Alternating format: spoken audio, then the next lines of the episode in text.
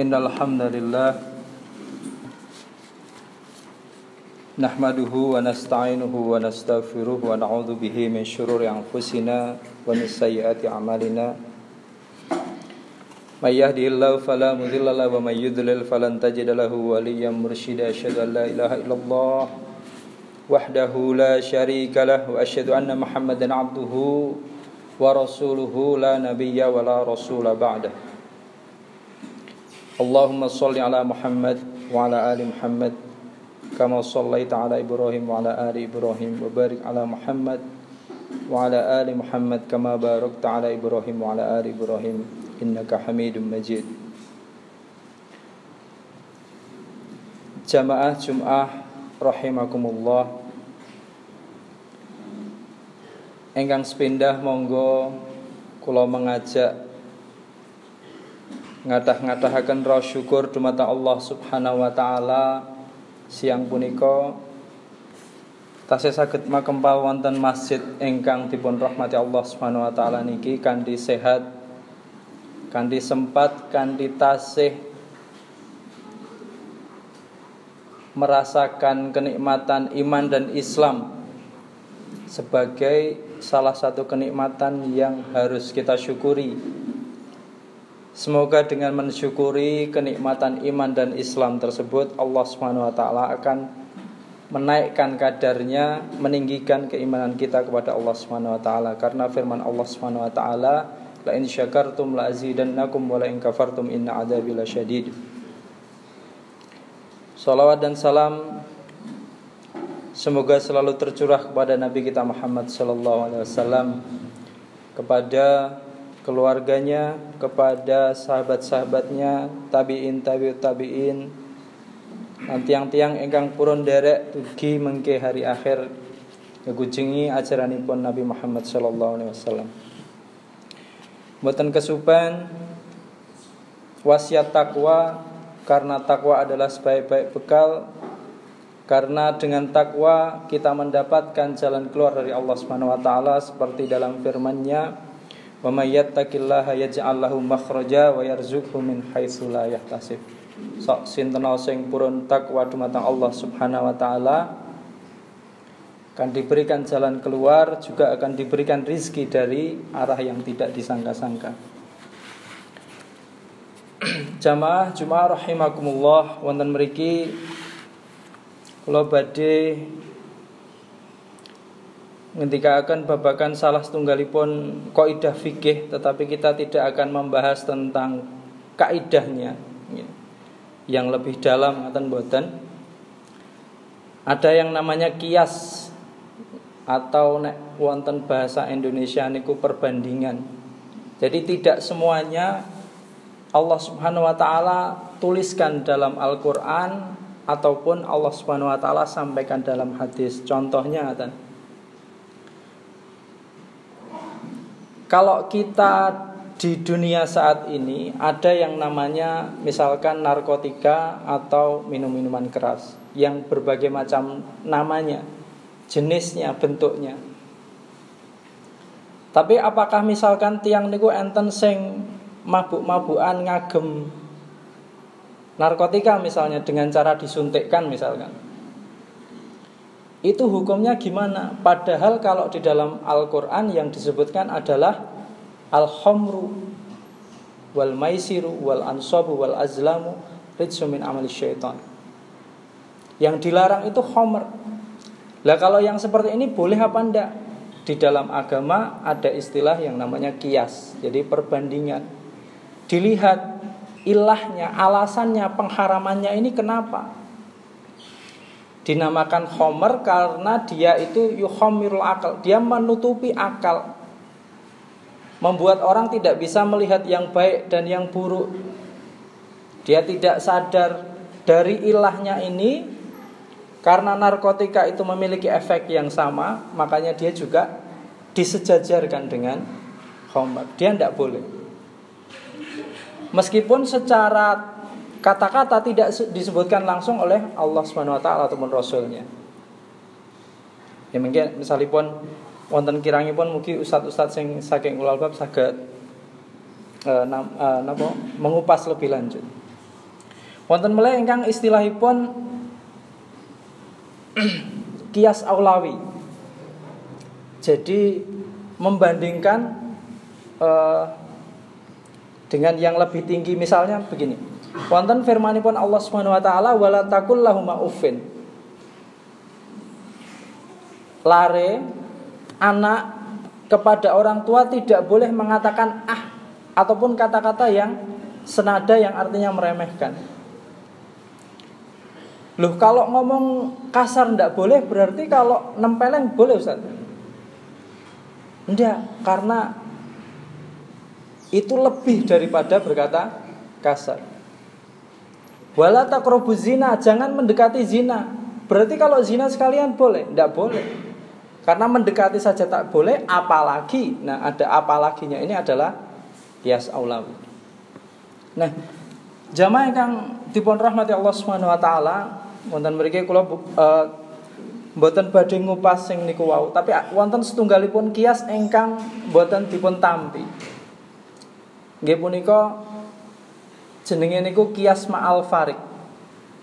Membandingkan sesuatu yang tidak sama. Ini nanti hukumnya jadi jadi uh, tidak bisa diterima. Nek wonten uh, istilahnya tiang sakniki niku bukan apple to apple. Kalau membandingkan sesuatu harus yang sama. Kados wau misalkan narkotik kalian homer, dia mempunyai efek yang sama. Nah, yang pengen kita ambil pelajarannya dari sini adalah ya, tiang wonten alam dunia puniko masing-masing itu memiliki ciri khas yang berbeda.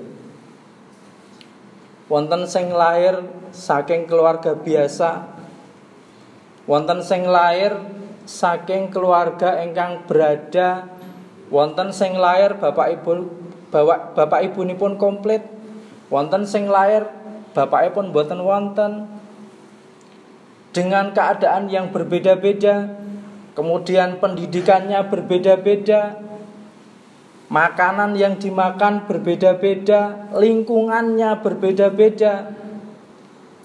Makanya kalau ada orang yang memperbandingkan satu orang dengan satu orang yang lain, ini kalau misalkan di istilah fikihnya tadi kita bisa mengatakan bahwa ini itu perbandingan yang tidak seharusnya dilakukan karena bukan apple to apple.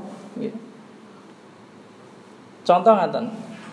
Misalipun kok enten Napa binatang ingkang dipun wastani citah nih nggih.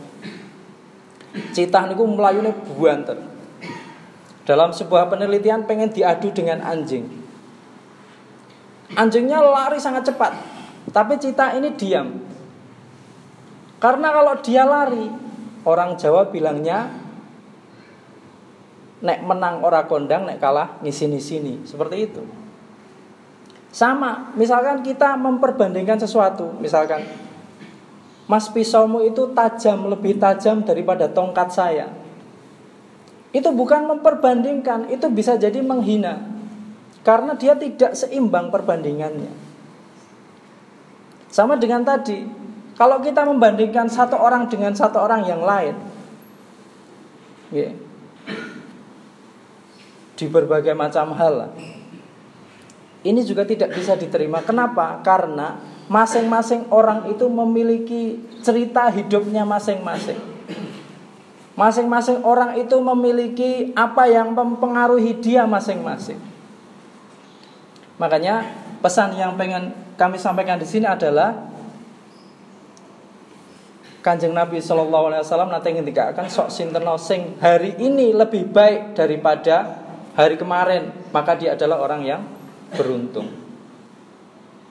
Jadi satu-satunya perbandingan yang bisa kita lakukan yang seimbang dan boleh itu membandingkan diri kita pribadi dengan diri kita pribadi versi yang lama. Bukan membandingkan dengan orang yang lain. Jadi dengan begitu nanti kita termotivasi juga untuk meningkatkan diri. Memang boleh di dalam agama kita melihat yang lebih tinggi, di dalam ibadah kita melihat yang lebih tinggi untuk memotivasi Di dalam keduniaan kita harus bersyukur.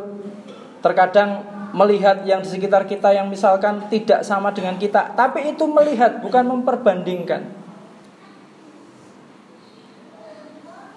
Jadi nanti motivasinya itu bukan kita pengen lebih tinggi dari yang lain, tapi lebih tinggi dari kita yang versi sebelumnya, sehingga sesuai dengan perintah ibn kanjeng Nabi Muhammad SAW, satu-satunya yang harus kita lampaui adalah diri kita pribadi, versi kita yang kemarin, memperbaiki diri, kemudian seperti misalkan yang disampaikan syawal itu artinya meningkat. Ya seperti itu. Ketika terjadi penggemblengan Setelahnya itu harus lebih baik. Yang harus kita lampaui adalah diri kita pribadi. Jemaah yang dipun rahmati Allah taala ini pun berlaku ya kagem pendidikan anak, kagem bersosialisasi dengan masyarakat dan lain sebagainya. Terkadang kalau ada orang tua yang membandingkan anaknya dengan maksud memotivasi Kadang yang dinasehati Sang anak itu tidak menangkapnya sebagai motivasi Tetapi sebagai penghinaan. Tersakiti misalkan. Mbok koyok singkai Lo beda kok keluarganya beda kok. Lah nanti kalau misalkan anaknya balas lah bapak umur 40, 40 tahun kok tidak jadi nabi apa enggak malah susah nanti? Jadi satu-satunya perbandingan yang boleh kita lakukan dengan diri kita adalah diri kita yang lalu. Barang siapa yang hari ini lebih baik daripada yang kemarin dia beruntung, yang hari ini sama saja dengan kemarin dia merugi. Kalau hari ini ternyata lebih jelek dari yang kemarin, berarti dia adalah orang yang celaka. Maka tan sekedhik ingkang saged kula aturaken mugi-mugi wonten hikmahipun wal asri innal insan lafi husni illa ladzina amanu wa sholihat wa tawassaw bil haqqi wa tawassaw bis sabr.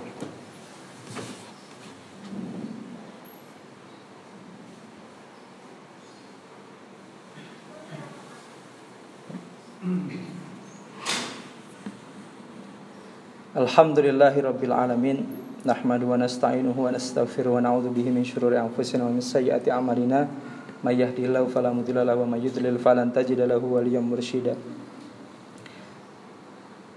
Amma ba'du jamaah ingkang dipun rahmati Allah Subhanahu wa taala. Salah setunggalipun surat Al-Qur'an ingkang kedahipun kita sedanten emot nggih punika wal asri innal insana lafi khusrin.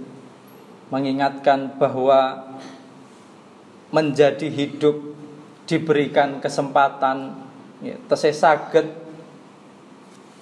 berjalan di muka bumi ini adalah kesempatan yang luar biasa. Wal asri demi masa. Semuanya akan merugi kecuali cuma tiga orang.